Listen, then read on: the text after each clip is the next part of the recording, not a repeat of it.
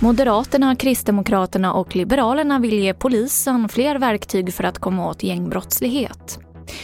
Minskat väljarintresse för äldreomsorgen. Och bristen på gravplatser är stor i Sveriges tre storstadsområden. TV4-nyheterna börjar med att polisen bör ha fler digitala verktyg för att bekämpa gängbrottsligheten. Hemliga tvångsmedel ska kunna användas och Sverige ska kunna knäcka krypterade kommunikationssystem. Det här anser Moderaterna, Kristdemokraterna och Liberalerna i en gemensam debattartikel i DN idag. Och Johan Forsell är en av skribenterna som också är rättspolitisk talesperson för Moderaterna. Ja, det här handlar om att kunna använda då hemliga tvångsmedel mot aktiva gängmedlemmar eh, och att kunna göra det även om det inte finns en konkret brottsmisstanke. Alltså det skulle vara en väldigt kraftfull förändring för att kunna komma åt de här gängledarna, inte bara de som är längst ner i hierarkin utan de som leder och styr de här gängen som plågar så många människor i Sverige.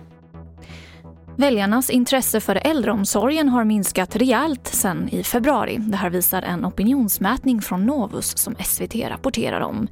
36 procent tycker att det är en av de viktigaste politiska frågorna jämfört med 44 procent i februari.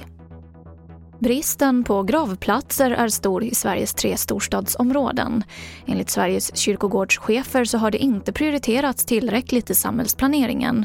Och å andra sidan så uppstår nu nya konflikter när problemen ska lösas.